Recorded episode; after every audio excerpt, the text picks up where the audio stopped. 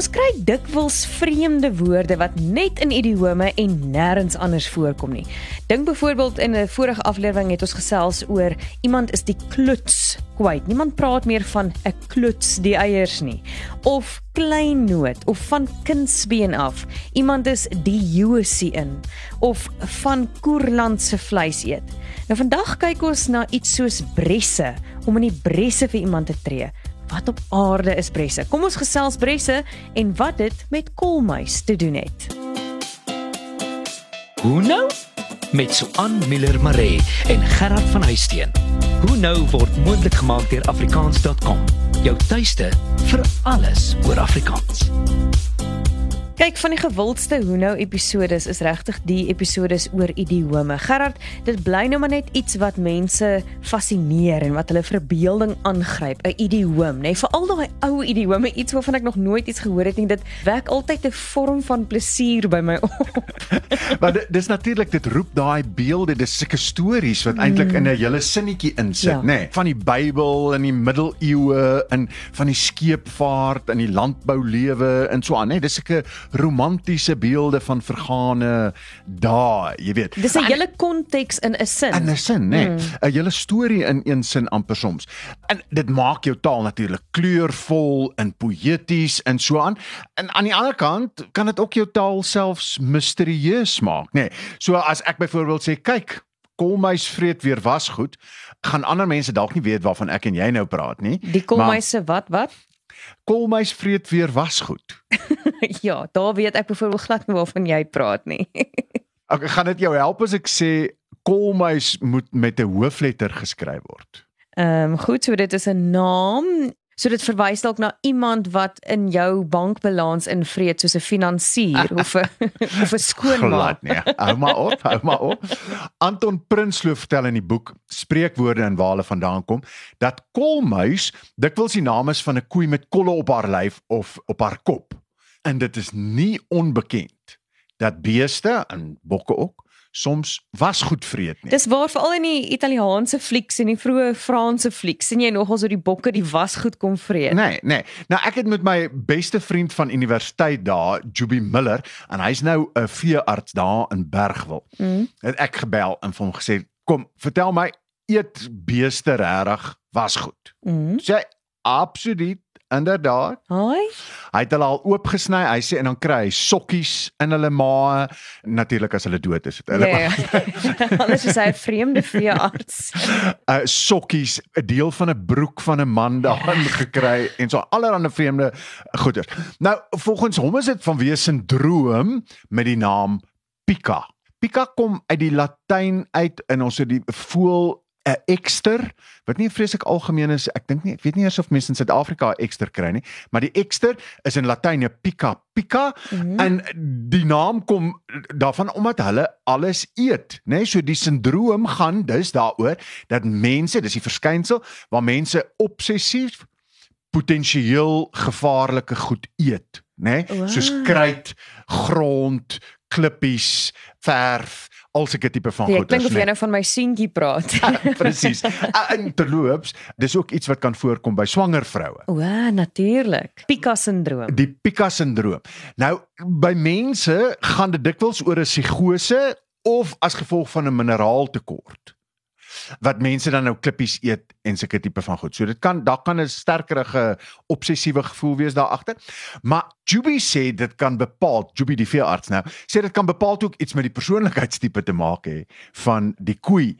Want hy sien op sy eie plaas sien hy hoe dit dieselfde koei is wat oor en oor die lap vreet, nê, nee, of plastiek sakkies vreet. Nou goed, persoonlikheid is nou 'n groot woord daar. Dit gaan eintlik daaroor is maar koei wat op 'n keer 'n lap geëet het of 'n sakkie geëet het as gevolg van 'n mineraaltekort en dan nou gewoontes daaraan en dan nou aanhoudend bly soek na hierdie lap.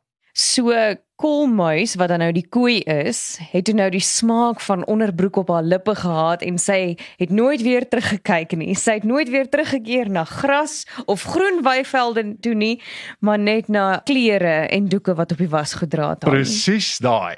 Nou wat beteken dit? So dit sê mense sê dit juis as iemand se broek of se rok en hulle boude so in optrek. ja. Dan sê mens, "O, oh, kyk, kom my vreet weer was." Want goed." dit lyk asof die koei aan die Vreet. onderbroek gaan vreet het en dit opgetrek het. Presies, Presies. Dis verskriklik oulik en jy kan dit in die hoogste geselskap sê en niemand gaan, Gaan weet jy ja eintlik vir hulle jy beledig. Presies, presies. Dis baie oulik. Nou net na die advertensies gesels ons oor wat bresse is en wat beteken dit as jy vir iemand in die bresse tree. Afrikaans is so lekker soos koeksisters, braaibroodjies en kondensmelk koffie. Dit is jou taal.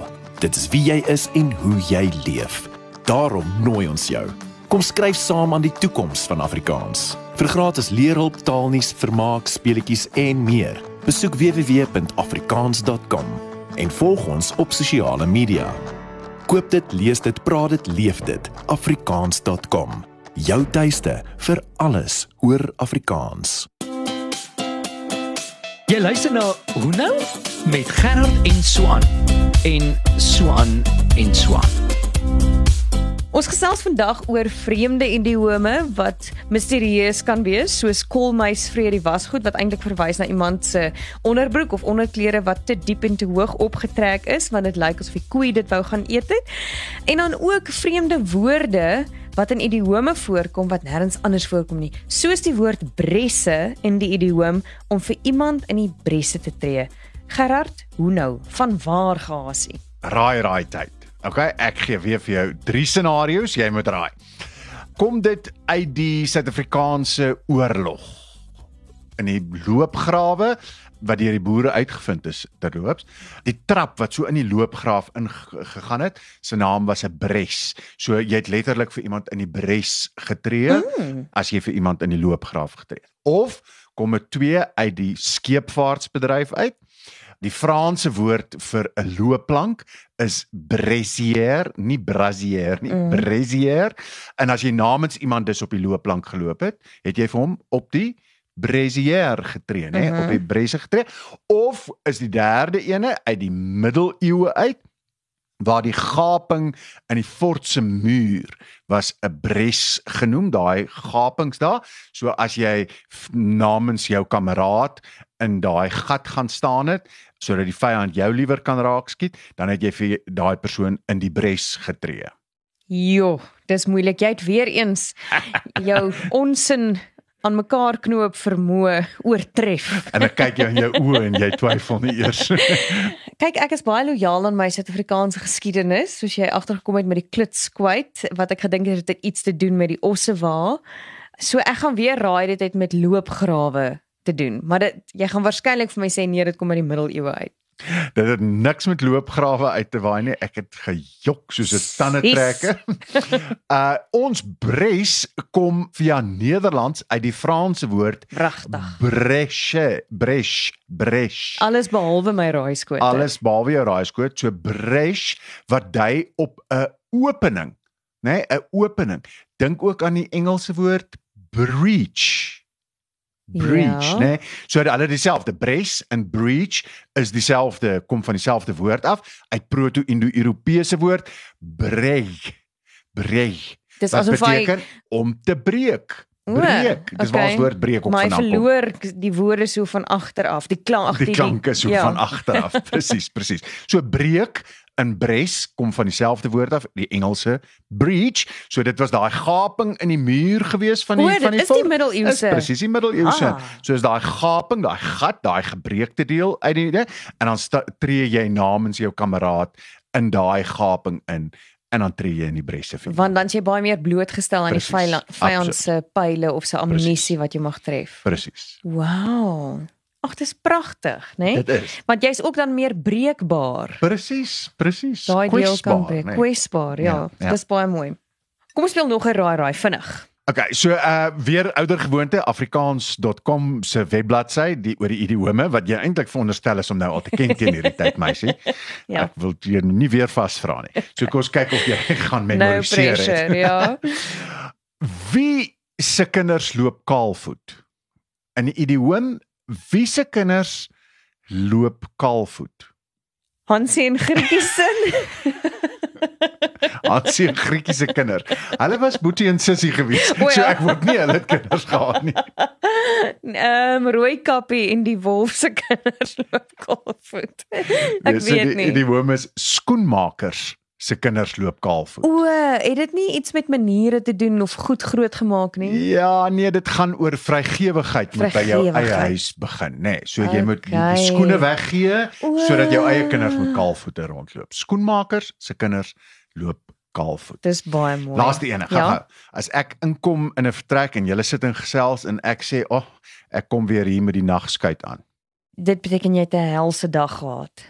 Nee, dit beteken ek weet nie waaroor gepraat word nie. O, jy's in die donkerte Ek is in oor die donkerte, waaroor ons ek kom hier praat. met die nagskuit aan. O, Né?